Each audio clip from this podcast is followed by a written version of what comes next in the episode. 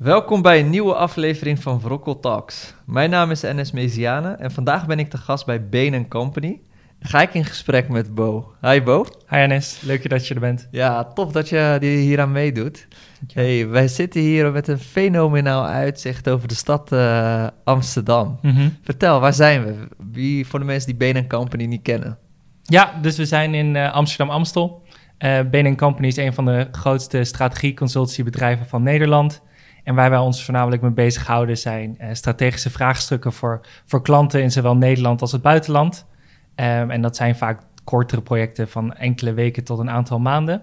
Ja. Um, waar wij zo goed mogelijk de vraag van de klant proberen te beantwoorden. Oké, okay, nice. Nou, ik denk dat we daar nog uh, zo meteen uitgebreid over hebben. Maar zoals ik al zei, mooi uitzicht, Amsterdam. Maar hier is niet waar het voor jou is begonnen. Nee, dat klopt. Waar is het wel begonnen? Waar ben je, misschien waar ben je opgegroeid? Kun je daar iets over vertellen? Ja, dus ik ben uh, geboren in Rotterdam, uh, 28 jaar geleden. Oh, waar in Uh, Rotterdam? tussen Delfshaven en Marconiplein. Hey. Um, daar eerst een paar jaar van mijn leven gewoond uh, met mijn moeder samen. En toen, toen verhuisd naar, naar Schiedam. Um, om wat iets meer ruimte te hebben, uh, kwam ook nog een broertje bij. Ja. En toen daarna verhuisd naar, naar. Okay. Uh, maar nog wel steeds een, een groot hart voor, voor Rotterdam. Ja. Uh, en helaas niet meer woonachtig. Maar daar is nog wel waar ik, waar ik het liefst ben. Ja, het is wel echt in de schoorsteen van Rotterdam. Uh, hè? Maasluis, Schiedam. Ja. Hey, en, en vervolgens uh, even een vogelvlucht. Hè? Je, bent, je hebt gestudeerd aan de Erasmus Universiteit, zag ja. ik. Bedrijfskunde. Wat is je bijgebleven van je studententijd? Um, best wel veel dingen. Ik merkte dat ik in, in aanloop naar mijn studententijd heel erg nadacht van wat moet ik doen. Uh, en toen kwam de keuze al snel voor, voor bedrijfskunde. En toen was meer de vraag, oké, okay, ga ik naar Maastricht of ga ik naar Rotterdam?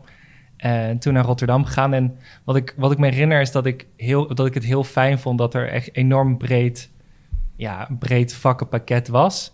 Uh, zowel met marketingvakken, finance, maar ook uh, ja, human resource management. En gewoon dacht van, oké, okay, ik ga dit allemaal me opnemen en dan kijk ik wel wat ik het leukst vind. Mm -hmm. uh, want ik had echt geen, geen idee. Um, lang getwijfeld of ik niet uh, de, de marketing in moest. En toen op het laatst toch gekozen om door te gaan met finance. Ja. Um, maar ik kan me niet heel erg meer herinneren van hoe die keuze denk ik is gekomen dat ik die switch uh, ja. wilde maken. Of goed geluk. Of goed geluk, ja. ja. En, uh, zodoende. Um, ja. Maar ik denk zeker studententijd, zeker je bachelor, uh, een van de leukste tijden van mijn leven. Omdat je gewoon veel nieuwe mensen ontmoet. Ja. Uh, en inspiratie krijgt om, om dingen erna te gaan doen. Ja, en daarnaast ook volgens mij. Want ik zag ook dat je tijdens je studententijd behoorlijk wat uh, nevenactiviteiten hebt gehad. Ja. Uh, volgens mij, als ik het goed me herinner, een studie. Ik heb gisteren nog even op je LinkedIn. Ja. Een studie, je hebt gestudeerd in China. Ja. Je hebt een, een, een, opdracht gedaan in Indonesië. Ja. Waar kwam dat vandaan? Ja, dus dat was ook een beetje, denk ik, door de mentaliteit van de studenten. Mm -hmm. uh, tijdens de bachelor, iedereen wilde zoveel mogelijk dingen ernaast doen en erbij doen. En dan rooi je daar een beetje in mee. Ja. Um, dus het was, ik wist dat het mogelijk was om op uitwisseling te gaan. En ik had uh, wat, wat vrienden ontmoet in mijn eerste jaar met een Aziatische achtergrond. Dus toen kwam in één keer een passie voor, voor Chinees leren. Wat ik wel heb geprobeerd, maar wat nooit echt is gelukt. um, en toen dacht ik, oké, okay, ik wil graag ook op uitwisseling naar Azië. En toen kwam ik in Hongkong terecht. En dat was vier maanden, maar ik dacht, oké, okay, ik heb de zomer daarvoor vrij. En wat kan ik er daarnaast doen? Um, en toen ben ik via ISEC in Indonesië terechtgekomen om, om kleine bedrijven te helpen. Bijvoorbeeld een kapper en een schoenmaker. Om gewoon te kijken van hoe kunnen zij hun omzet verhogen. Ja. En dat was eigenlijk mijn eerste, eerste aanraking met kleine consultingprojectjes. Ja. Uh, en dat beviel eigenlijk heel goed. Ja, want wat, wat heb je dan precies aan een kapper gezegd om zijn omzet te verhogen? Ja, dat, dat ja, ja, je moet, moet, je, moet nou, ja. je, moet, uh, je moet ook verven of wat? Ja, dat is weer negen jaar geleden. Ik weet niet meer precies um, wat we hebben gezegd. Maar voor, voor de schoenmaker, wat ik wel wist, is dat wij gingen naar, naar een huis waar gewoon een, een, een, een man en een vrouw... en ze hadden met hun kinderen hadden ze gewoon een familiebedrijfje. Mm. En zij maakten schoenen en dat verkochten ze dan um, gewoon aan, aan huis... Um, en waar we hun toen mee geholpen hebben, is om te zeggen van... oké, okay, misschien zijn er andere winkels waar je je schoenen zou kunnen verkopen. En dan uh, welke winkels target je, waar begin je... en hoe kan je eigenlijk en je bedrijf zo goed mogelijk opschalen... dat Ja. je steeds meer kan, kan produceren. Ja, Eh, en dat waren projectjes van vier, vijf dagen. Ja. eh, gemaakt door 20-jarige studenten. Dus je moet ook niet te veel verwachten. Nee. Eh, maar dat was wel leuk om te brainstormen Ja. met een groepje. Ja, want eh, zou je zeggen dat daar ook wel de interesse voor consultancy is ontstaan? Of, Eigenlijk niet. Eigenlijk wist ik, ik, ik was tijdens mijn studententijd helemaal niet bezig met consulting. Nee. Ik was meer, ik ga in... eh, toen ik op een gegeven moment de keuze had gemaakt voor finance, dacht ik, ik ga, de, ik ga voor een investment bank werken. Ja, Ehm, dat was ook, dat gebeurde heel veel. Dat vond ik best wel cool. En ik dacht, oké, dan, dit, dit is het. Ehm, en toen, toen liep ik een paar stages. En dacht ik, oké, het is nog steeds erg leuk. Ehm, qua, qua wat je doet, de werkzaamheden. Ehm, ik hield er heel erg van om echt op projectbasis te werken. Ik kreeg best wel wat verantwoordelijkheid. Ehm, maar het was niet alles. Nee. En toen ging ik meer kijken naar alternatieven. En uiteindelijk zo bij consulting terechtgekomen. ja, Eh, en nu terugdenkend van, dacht ik van oké, misschien was, heb ik in 2013 al dit soort, mee, dit soort Ja. dingen meegemaakt in Ja. Indonesië. ja, want ook voor de luisteraars eh, onder ons zijn veel studenten. Wat zou jij aan hun willen meegeven om vooral naast je studie nog meer te doen om, om alvast wat meer feeling te krijgen bij dat werkveld? Mhm. ik denk eigenlijk proberen met zoveel mogelijk ehm, bedrijven in contact komen. Ja. Ehm, zeker, zeker bijvoorbeeld als ik spreek over, over Erasmus Universiteit, zijn er superveel evenementen Ja. die redelijk laagdrempelig zijn, waar je gewoon voor kan inschrijven. En dan mensen kan ontmoeten door middel van een presentatie of een case oplossen eh, of een in-house dag. En dat is eigenlijk heel makkelijk door een paar uur van je week te besteden om een nieuw bedrijf te leren kennen. Ja. En daardoor kan je ook beter inschatten wat is de cultuur, Ehm, wat zijn de echte werkzaamheden, Ehm, wat zijn de werkuren, wat zijn de eventuele mogelijkheden om ernaast tijdens mijn werk te doen. ja. En zo kom je daar echt beter achter. En probeer ik gewoon dingen te doen die je leuk vindt. Dus niet alleen ehm, heel erg gericht denken van ik ga voor bedrijven die ik heel goed ken, maar ga ook eens naar een workshop van een bedrijf wat je niet kent. Eh, want me- daar is juist het meeste te leren. Eh, en als studenten ook tijd hebben naast hun studie, is het ook denk ik goed om studieverenigingen ehm, ja, te joinen. Omdat ook daar vaak bedrijven naartoe komen en je bent meer betrokken bij, bij de kwaliteit van je studie en, en andere dingen. Mhm. En je leert toch zo weer mensen kennen die Ja. eventueel eh, ja, een link kunnen leggen naar, naar een of ander bedrijf waar je zou Ja. kunnen willen werken. Ja, want als je kijkt eigenlijk op de universiteit, heb je gewoon een gigantisch netwerk eigenlijk aan, aan mogelijkheden en kansen waar je, eh, eh, ja, waar je terecht kan komen. Het is Mhm. wel vaak jammer dat dat niet gezien, dan wel niet benut wordt. Ja, en ik ken het gevoel, want als je heel druk bent met je studie en je hebt dingen ernaast, Ja. denk je van oké, ik kan deze vier uur niet missen, want ik heb over twee weken een tentamen. Ja. Eh, maar het is wel echt de beste manier, Mhm. Eh, omdat je eigenlijk toch nooit weet waar je terechtkomt als je nooit op, bij, op een kantoor bent geweest. Ehm, en wat ik wel graag wil zeggen is, toen ik heel erg in die sollicitatieprocedure zat, dacht ik altijd, oké, mijn eerste baan moet de beste baan zijn en dat moet, is de belangrijkste keuze uit mijn leven. Ehm, het is ook denk ik voor studenten om te weten, leg er niet zoveel druk op. Als je het niet leuk vindt, kan je altijd switchen. ja. En door met, met een meer open blik erin te gaan, misschien kom je daar, en maak je daardoor uiteindelijk een veel betere Ik keuze. denk het ook wel. Bij mij, als ik zeg maar naar mezelf terugkijk, ik had ook echt die verwachting van joh, die eerste baan. Dus ik zat echt te mikken op alle topwerkgevers, Ja. zonder dat ik niet echt een hele sterke intrinsieke motivatie had. Ja, om daar aan de slag te gaan. Maar het is natuurlijk vandaag de dag al lang niet meer zo dat je 40 jaar bij één werkgever Precies. werkt. Hè? Dat is, eh, ja. Hey, je, hebt het, eh, je maakt een mooi bruggetje, die Hm. sollicitatieprocedure. ja, Eh, Oké, vertel, je bent, je bent afgestudeerd, je hebt Ja. Finance en Investment Master gedaan. ja. Eh, en dan? Hoe, Ja. wat, hoe ging het toen? Toen, ik, ik, ik had altijd, dus door mijn, door mijn stages in investment banking, dacht ik, oké, ik, ik wil eigenlijk wel in het bankaire wezen werken. Eh, Private equity? private equity, investment banking. Ja. Ehm, en toen dacht ik, oké, ik ga een tussenjaar nemen. Ehm, dus toen heb ik eerst een stage gelopen nog bij, bij Adidas in Duitsland. In financial planning. Toen dacht ik, oké, ehm, dit is een grote corporate, superleuk. Maar eh, misschien toch meer, wil ik toch meer misschien echt het, het, de financiële sector in. Ja. Ehm, toen, toen nog een, een investment banking stage gedaan in, in Amsterdam. Eh, en toen Bij? dacht bij, bij ABN AMRO. Oké. Ja, eh, en toen dacht ik, oké, nu moet ik gaan studeren. Dat vond ik heel eng. Toen dacht ik, ik ging naar mijn ouders en zeg, mag ik nog een jaar reizen? Eh toen zei ze, ja, oké, tuurlijk, als je dat zelf kan betalen. Eh, dus toen ben ik nog weg geweest. Toen dacht ik, oké, ik wil graag in de, de sociale sector werken. Ik wil meer gefocust zijn op social impact. Mhm. Ehm, en toen dacht ik, oké, hoe kan ik dat combineren? Waar ben, je, waar ben je een jaar geweest? Waar ging je reizen? Eh, ik ben begonnen in India Oké. en toen naar Nepal en toen ehm, Zuidoost-Azië gedaan.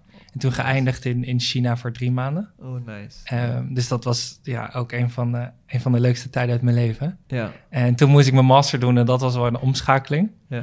Eh, en toen ging ik heel erg zoeken van, oké, hoe kan ik financiële sector combineren met, met social impact? Eh, en toen kwam ik op de Nederlandse Ontwikkelingsbank, eh, bij, bij de Nederlandse Ontwikkelingsbank terecht in Den Haag. Mhm. Ehm, en toen dacht ik, oké, dit is het. En toen ehm, had ik daarvoor, voordat ik daar begon, had ik nog een, een, een business course bij Been gedaan. Dus dat was een driedaags evenement hier op kantoor. En toen begon ik daar en toen dacht ik, nou, ik vond Been eigenlijk ook wel leuk. Ja. Eh, en toen Je kwam was ik aangenomen bij, eh, bij de Nederlandse Ontwikkelingsbank. Was daar begonnen en eh, een goede tijd gehad. Maar in mijn achterhoofd zat het wel van, oké, past B niet beter bij mij? Want wat... wat wat eh, nee, ja, het is wel interessant. Hè? Je, je, je lijkt heel erg bewust een keuze te maken richting sociale impact, Ja. finance. Nou, de Nederlandse Ontwikkelingsbank, dan Ja. van, dat is hem. Ja, Eh, maar wat miste je daar? ik denk toch, eh, als ik nu terugkijk, zijn er dingen die ik bij Ben heel erg waardeer. En toen al over nadacht, toch meer het projectmatige werkzaamheden die je hebt. Dus heel erg oké, ehm, ene maand doe je, werk je voor de ene sector, en de andere maand werk je voor een andere sector. Ander soort project, ander soort klanten. Waardoor er wel echt het meeste uit jezelf eh, gehaald wordt. Hmm. Ehm, en je leert continu nieuwe dingen over nieuwe industrieën. Wat ik ook heel fijn vond bij Ben is toen- dat ik toen hier was op, bij, de, bij de business course over hoe hecht mensen wel niet waren. Best een jonge groep waar, waar het merendeel onder de 30, 35 jaar is. Ja, Ehm, en dat zijn wel allemaal mijn vrienden geworden. ja. En dat gevoel had ik toen wel van oké, dit zijn echt, dit is echt iets op de lange termijn waar ik zou willen werken.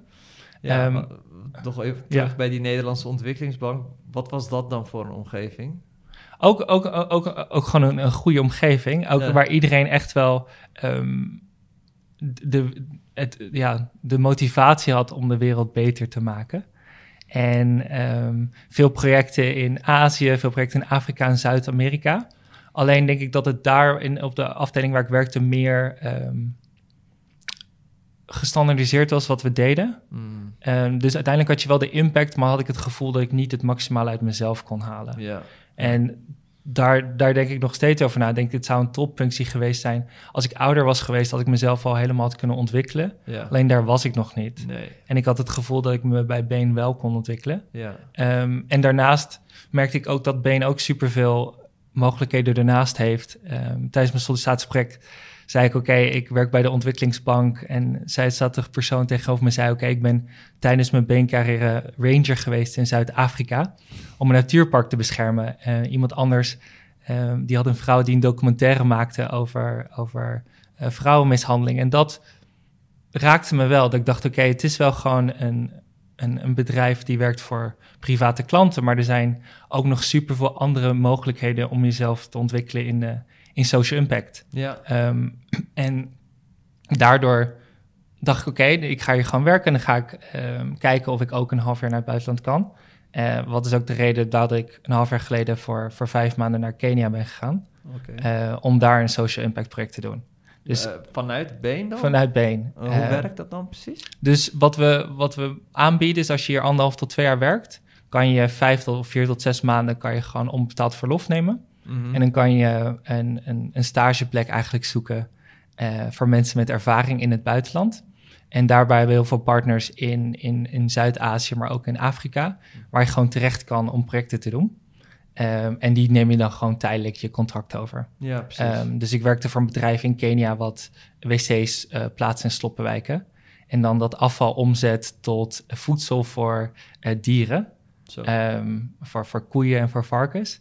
En dat dan weer verkoopt. Dus heb je eigenlijk een hele supply chain. circulaire ja, Ja. economie. Ja, hey, tof man. Dat klinkt wel als iets... Of, dat had ik in ieder geval niet verwacht, eh, dat dat eh, ook tot de mogelijkheden behoort. Even terug naar gewoon, oké, Been en Company. Dus oké, de Nederlandse ontwikkelingsbank, dan dacht ik van, nou, dat is hem niet helemaal. Ja.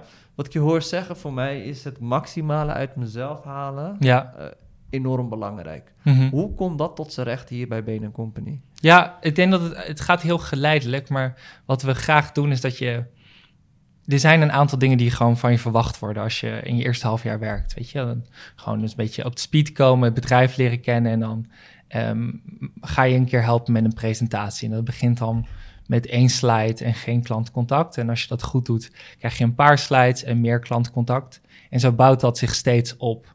Maar wat ik het mooie vind, is dat als, als je manager ziet dat je iets al heel goed kan, dan ga je dat niet meer doen. Dus dan ga je iets anders doen. En ik kan me goed herinneren, ik had mijn, mijn tweede project. Uh, en ik had, zat soms eens bij, bij klantmeetings, maar ik leidde die nooit of ik zei nooit zoveel. En zei in één keer mijn manager van, um, ah, ga nu maar een meeting in je eentje doen. Uh, ik super nerveus, uh, enorm in de stress weten, maar daar leer je wel van. Hmm. en dan zie je een keer een klantmeeting één op één. En ik oké, nu kan ik dit. Ja. En dan doe je in één keer een klantmeeting voor tien mensen. Ja. Um, en, en daardoor... Omdat dus je, je, wordt, je wordt wel echt in het diepe gegooid. Ja, en er wordt ook wel Um, je merkt wel dat mensen dat leuk vinden. En je, het wordt ook wel van je verwacht dat je comfortabel bent met, met oncomfortabel zijn. Dat je gewoon een paar keer per week denkt van... oké, ik, ik, heb dit nog nooit gedaan, ja. maar let's do it. Ja. Um, en daar, daar heb je heel veel steun aan elkaar, dat je daarover praat. Uh, maar soms denk ik ook wel van... oké, ik moet dit morgen gaan doen hoe ga ik dit doen, weet je wel? Uh, en dat kan zijn met klantcontact of analyses doen... of dat je gewoon heel veel output moet leveren. Wat even voor de, voor de mensen onder ons die niet zo uh, bekend zijn met consultancy. Wanneer wordt er bij Bain Company aangeklopt? Ja. Je hebt het vaak over de klant en misschien kan je hem ook iets concreter maken. Misschien dat je een praktijk of een casus kunt delen. Ja. Zodat het iets, iets duidelijker wordt van waar hebben we het nou over? Ja, ik kan wel een paar voorbeelden geven van, van projecten waar ik op heb gewerkt. Um, dus een van, de, een van de, mijn leukste projecten was gewoon voor een groot bedrijf wat, wat producten maakt die, die je ook in de supermarkt ziet. Mm -hmm.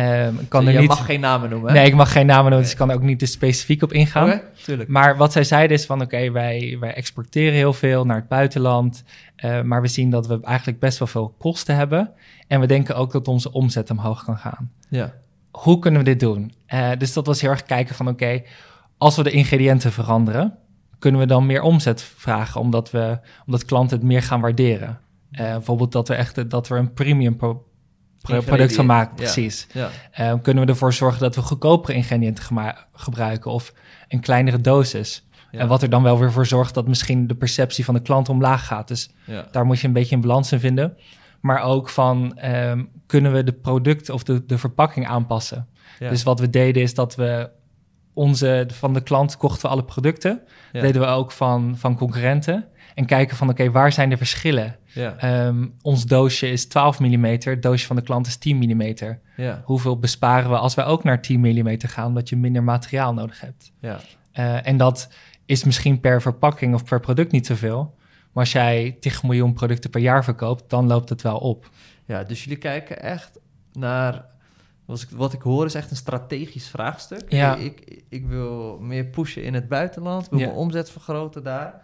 Alleen, uh, ik heb het gevoel dat mijn kosten te hoog zijn. Hoe kan ik, hoe kan ik meer, meer, meer ja. winst genereren? Ja. En vervolgens ga je heel analytisch te werk. Ja.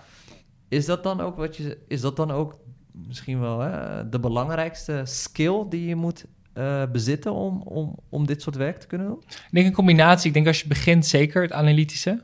Want je wil eigenlijk, weet je, er is zoveel, vaak zoveel data beschikbaar. Ja. Uh, een klant kan heel veel producten hebben. En dan moet je wel binnen een korte tijd, binnen een paar dagen kunnen zeggen van oké, laten we op product A en B focussen. Want die zijn 60% van je kosten. Ja. Je, dan ga je heel, zet je een eigen aantal lenzen over en dan ga je heel gericht te werk. Ja. Om zo snel mogelijk tot een antwoord te komen.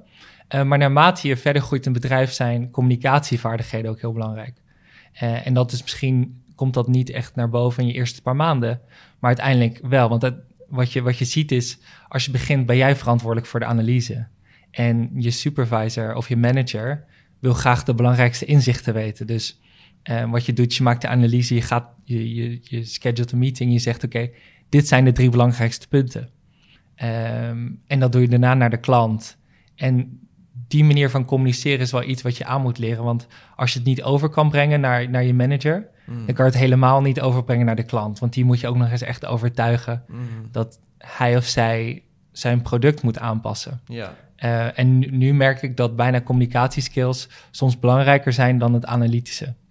Dat is wel grappig. Hè? Wij hebben laatst nog een, eh, een training georganiseerd, een bootcamp voor, Ja. eh, voor studenten. Dat ging over public speaking. En mijn aanname was ook, oké, het gaat echt over wat zeg je de boodschap. Wat uiteindelijk 90% bepaalt, Ja. is hoe je iets overbrengt. Mhm. In plaats van wat je overbrengt. Precies. Ik weet niet of je die, eh, dat, die TEDx-speech hebt gezien. Oh, Nee, niet gezien. die is echt legendarisch, moet je kijken. Er is een, eh, er is een TEDx Mhm. van een, eh, een guy die... eh, hoe gaat het nou? Zijn presentatie gaat over I have nothing to say. En de manier waarop hij het brengt, gewoon heel levendig, energie. Ja. Maar hij heeft totaal geen boodschap. Mhm, mhm. Het is een van de best bekeken TEDx. Oh, ik ga wel wel kijken. Ja, eh, wat, wat doet Bain Company om jou, zeg maar, eh, ja, te helpen en te zien groeien hierin? Wat, Mhm. wat is er aan persoonlijke ontwikkeling, opleiding? eh, Ja. eh, wat wordt hier geboden? Er zijn eigenlijk super, super veel dingen. Dus in je eerste week als je begint, heb je een week training. Dus dat, dat houdt zich in van, oké, basic Excel skills. Hoe maak je een presentatie? Eh, hoe communiceer je naar klanten? Eh, hoe kan je meer hypothese gedreven denken? Eh, maar zijn er ook genoeg mogelijkheden om andere mensen van kantoor te leren kennen? En dan na een maand of twee ga je op globale training. Dus dan komen allemaal nieuwe starters uit de wereld komen op één plek bij elkaar om nog tien dagen training te krijgen. Eh, en dan ga je nog Waar was dat voor jou? eh, in, in Boston. Oh, Oké. Ehm, ja, dus dan vlieg je daarheen, zit je daar tien dagen in een, in een hotel. Eh, en dan ja, ga je eigenlijk nog meer in, interne of kleine projectjes doen met een team. Mhm. En word je gecoacht door, door een manager Ja. om nog meer vaardigheden te leren. En elke maand hebben we ook gewoon met je peergroep, dus dat zijn iedereen uit jou, eigenlijk jouw, jouw jaarlaag, heb je ook weer follow-up trainings over improvisatie, over ehm, hoe manage je je work-life balance, hoe communiceer je naar je manager toe. En allemaal hard en soft skills om jezelf te verbeteren. Eh, en wat we ook doen is dat je elke week of elke twee weken heb je een feedbackgesprek met degene met wie je werkt. En die vertelt ook wat goed is gegaan die, die afgelopen twee weken en wat minder goed is gegaan. En dan kan je daar ook op verder aan werken. Mhm. Eh, wat goede, eigenlijk informele contactpunten zijn. Want als jij je review achteraf kijkt of een half jaar, dan denk je, oh ja, waarom heb je dit niet vier maanden geleden gezegd? En nu hoor ik meteen van, oké, vorige week communiceerde je naar de klant met, met op deze manier. Dat kwam niet, weet je wel, niet, niet goed genoeg over. Dat je de volgende keer anders kunnen doen. Of deze analyse deed je niet gefocust genoeg. Als je de volgende keer vragen stelt, vraag het dan zo, omdat je dan beter tot een antwoord kan komen. Ja, ja precies. En, en wat is voor jou, sinds je hier werkt, misschien wel het grootste inzicht Mhm. wat je over jezelf hebt geleerd, gekregen? Ja, toen ik hier begon was ik best wel onzeker van... eh, pas ik hier wel? Heb ik wel de, de, de vaardigheden om hier te werken? Eh, en dan in het begin ben je heel onzeker van... oké, ik heb nu deze analyse gedaan. Is het wel goed? Heb ik geen fouten gemaakt? Ehm, ik was best wel nerveus om tegen klanten te praten. Ehm, best wel, best wel zenuwen ervoor, weet je wel. En, en nu, als ik terugkijk, ben ik zoveel zelfverzekerder geworden ehm, met analyse doen, met klanten praten, met mensen coachen. En je merkt dat die zelfverzekerdheid niet alleen dan op werk ehm, zich laat zien, maar ook daarbuiten. Dat je gewoon beter in je vel zit, dat je denkt van, oh, als ik nu zie waar ik, wat voor progressie ik heb gemaakt in de afgelopen drie jaar, ehm, daar kan ik alleen maar trots op zijn. Ja. Eh, en dat zorgt voor zoveel meer plezier, op, ook op de werkvloer. Ja, dat is wel vet, hè? Het is, het, is, het is, professionele groei gaat heel erg gepaard met persoonlijke groei. Ja. En eh, eh, ja, ik hoor het ook eh, in jouw verhaal. eh, je zei ook aan het begin ergens van, joh, mijn collega's zijn uiteindelijk ook mijn vrienden geworden. Ja, Ehm, toch even een gewetensvraag. ja. Hoe moeilijk is het ook om privé en, en, en professioneel uit elkaar te houden?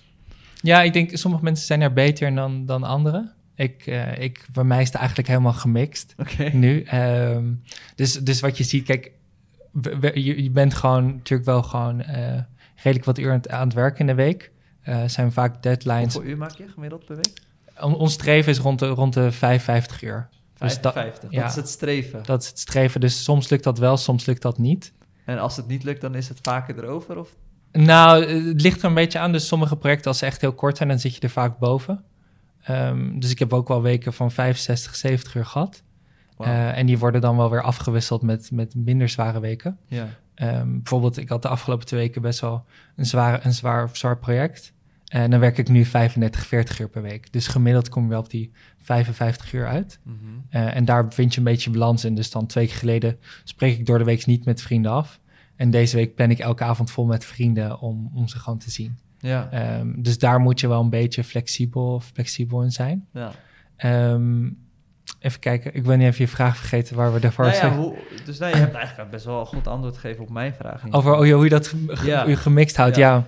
En, en wat je ziet is, er zijn daarnaast ook superveel sociale evenementen. Mhm. Ehm, ik denk dat er wekelijks wel iets is. Of afgelopen zondag ging ik met collega's fietsen. Er is een ehm, fietsweekend wat ik organiseer. Eh, mensen gaan met elkaar op vakantie.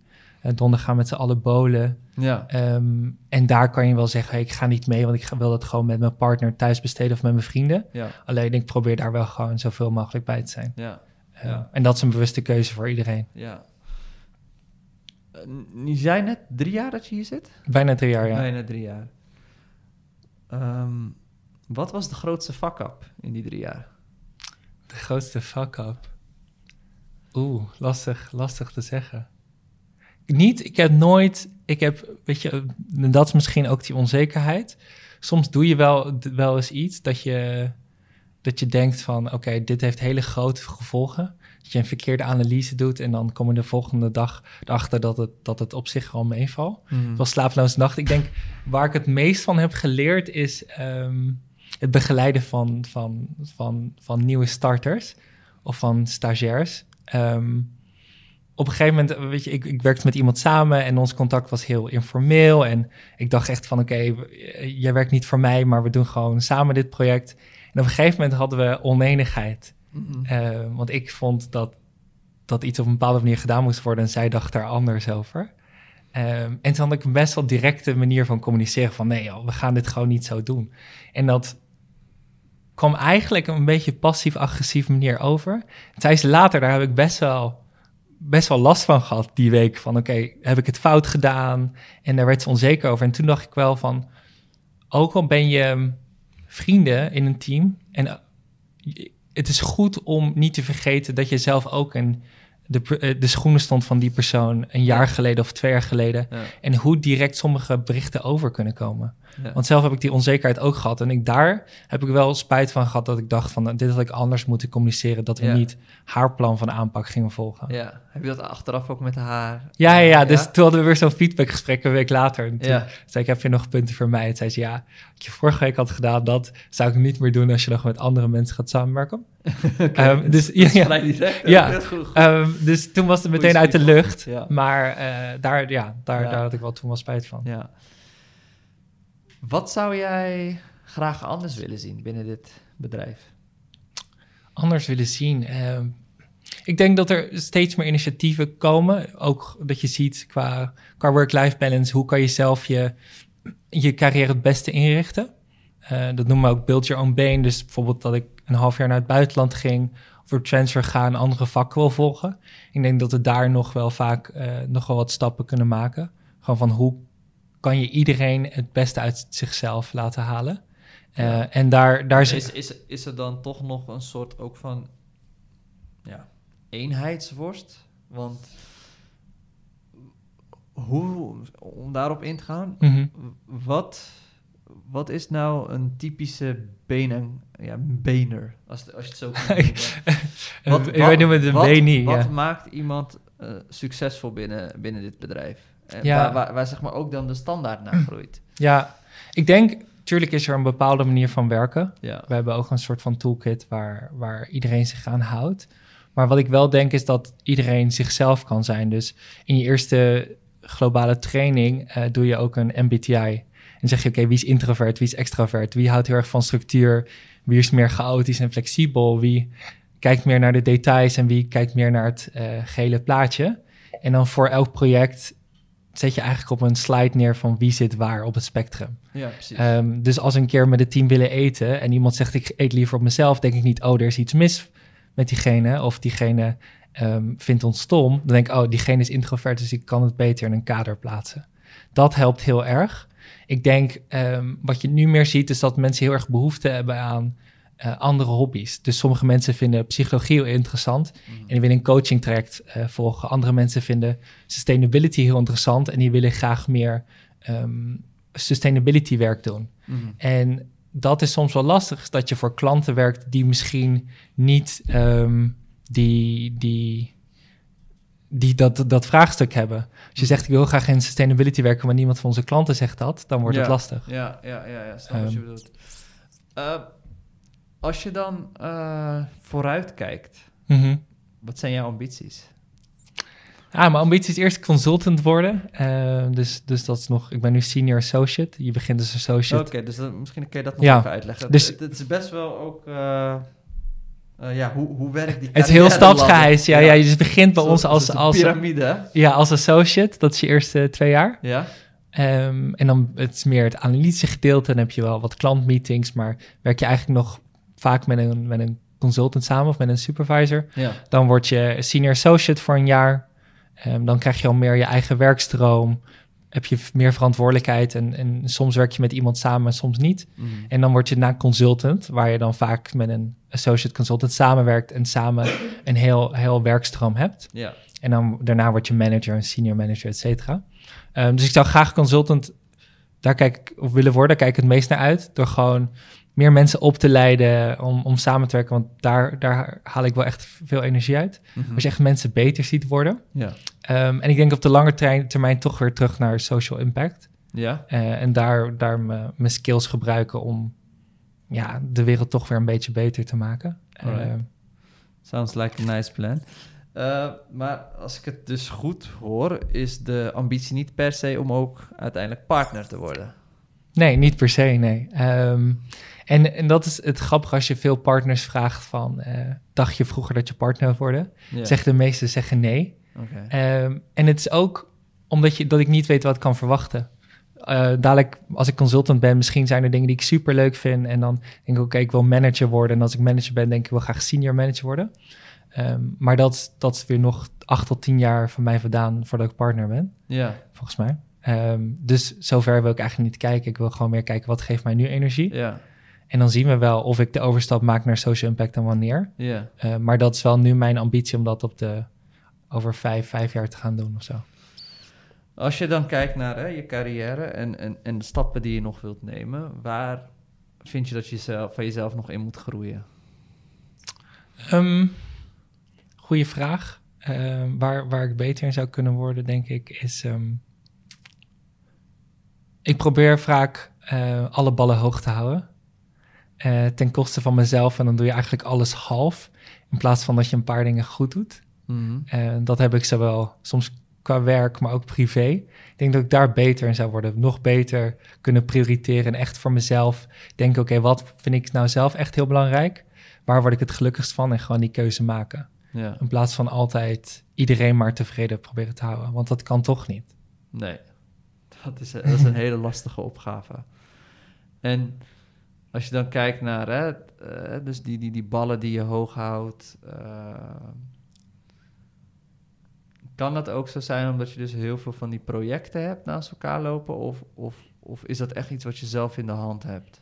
Een beetje wat je zelf in je hand hebt. Dus we hebben altijd maar één project voor een klant die je tegelijkertijd doet. Maar daarnaast zijn er ander- allemaal andere in- initiatieven. Dus ik doe veel recruitment voor Rotterdam. Ehm, ik organiseer onze starterstraining.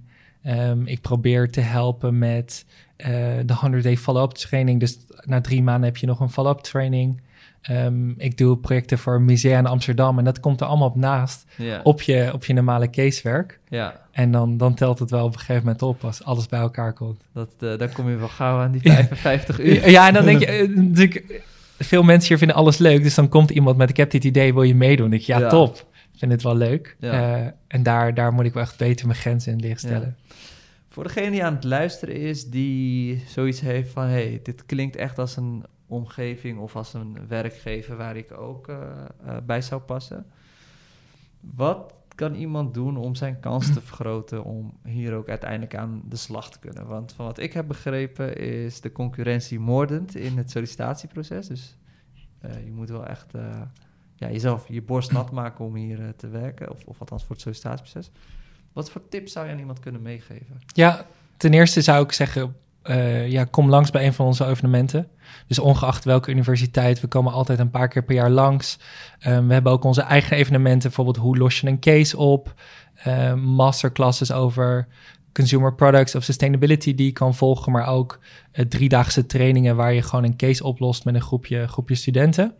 Um, dus meld je daarvoor aan, uh, zou ik zeggen. Wat ook heel erg helpt, is om gewoon cases te oefenen met andere studenten. Dus er zijn wat platforms online waar je voor kan aanmelden, waar, waar mensen samenkomen om cases te oefenen.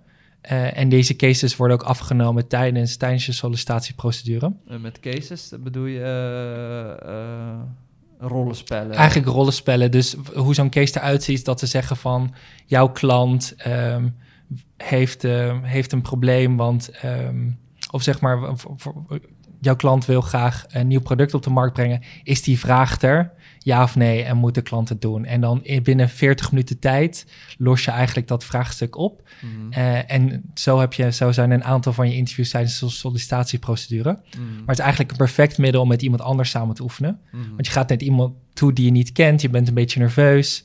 Um, die, diegene zegt, oké, okay, ik, heb een, ik heb een vraagstuk die je zelf nog nooit hebt gezien en die probeer je op te lossen. Ja. En dan geef je wat feedback en dan doe je het daarna voor de andere persoon. Ja. En zo kan je veel beter worden om... om ja. Dus als ik het goed uh, begrepen heb, uh, deelnemen aan events waar je al meer kunt leren over uh, en, en, en the way it works, the way to go, of the way... Ja. Hè? oefenen van cases. Ja.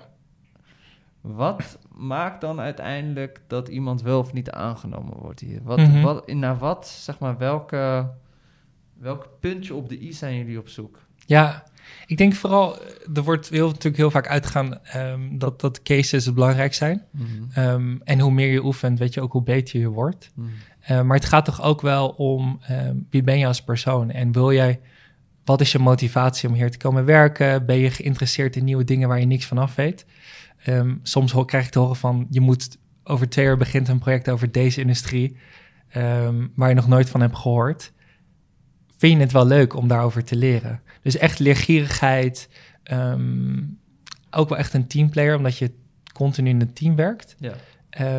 en, en dan kom je er vanzelf. Want ik ook wil zeggen, er is eigenlijk tijdens de sollicitatieprocedure is er geen concurrentie. Natuurlijk vallen de mensen af, maar het is niet zo dat we zeggen we hebben maar twee plekken en daarvan zijn er 50 aanmeldingen. Als je sollicitatie goed gaat, dan willen we gewoon hebben. En als er 50 goede sollicitanten zijn, dan bieden ze alle 50 een baan aan. uh, dus daar hoeven mensen geen, zich geen zorgen om te maken. Uh, maar laat zien dat je het oplossen van zo'n case leuk vindt. Ja. En ga er gewoon heen met een glimlach. Ja. Uh, maak er een gesprek van en dan komt het wel op zijn pootjes terecht. Ja. Als je dan nog even terugkijkt naar uh, jouw sollicitatiegesprek. ja. Wat, wat, of, of jouw sollicitatie hier. Wa, waar heb jij ze mee weten te overtuigen? Um, ik hoor vaak dat ik altijd lach. Dat heb ik toen ook zeker geprobeerd. Um, tijdens, tijdens die gesprekken. En gewoon een heel persoonlijk, zo persoonlijk mogelijk maken waar dat mogelijk is. Um, sommige van onze gesprekken zijn alleen een case, dus dan heb je geen persoonlijk gedeelte. Maar gewoon laten zien van oké, okay, dit is mijn verhaal. Ja. En ik vind, ik vind het oplossen van strategieproblemen heel leuk, maar er is zoveel meer aan mij. Ja. Um, en ik wil hier graag komen werken. En als je gewoon jezelf bent en oprechtheid laat zien, dan, dan straalt dat zeker uit ook naar degene die je interviewt. Ja, ja. Nou, ik denk uh, een mooie tip voor, uh, voor degene die hier uh, zouden willen werken. Um, ik wil je gewoon erg bedanken voor dit uh, openhartige gesprek. Uh, ik denk dat voor de mensen die uh, ja, minder beeld hebben bij consultancywerk, wat het inhoudt, dat dat alweer iets duidelijker is. Ik hoop het ook. Um, nou ja, voor degene die zeggen van joh, het lijkt me echt een toffe werkgever, BNN Company Consultancy. Kijk ook op onze website, uh, www.verokkel.nl. We bieden regelmatig events aan die we samen met BNN Company organiseren. Uh, maar ook vacatures van BNN Company staan op ons platform. En misschien ook wel tof om te benoemen is dat... Uh, ja, als je, als je bijvoorbeeld uh, geholpen wilt worden met je sollicitatie... of nog een beetje nerveus bent... Er zijn ambassadors vanuit BNN Company aangesloten aan ons platform... Uh, die studenten, uh, talenten graag uh, helpen, begeleiden, ondersteunen tijdens hun sollicitatie. Dus ook daar kun je gebruik van maken. Bo, ik wil je nogmaals bedanken voor het toffe gesprek. En eh, ik zie je hopelijk een keer gauw in Rotterdam. Ik hoop het ook. Heel erg bedankt voor het komen. En dank je wel voor het gesprek en je enthousiasme. Thanks. Thanks.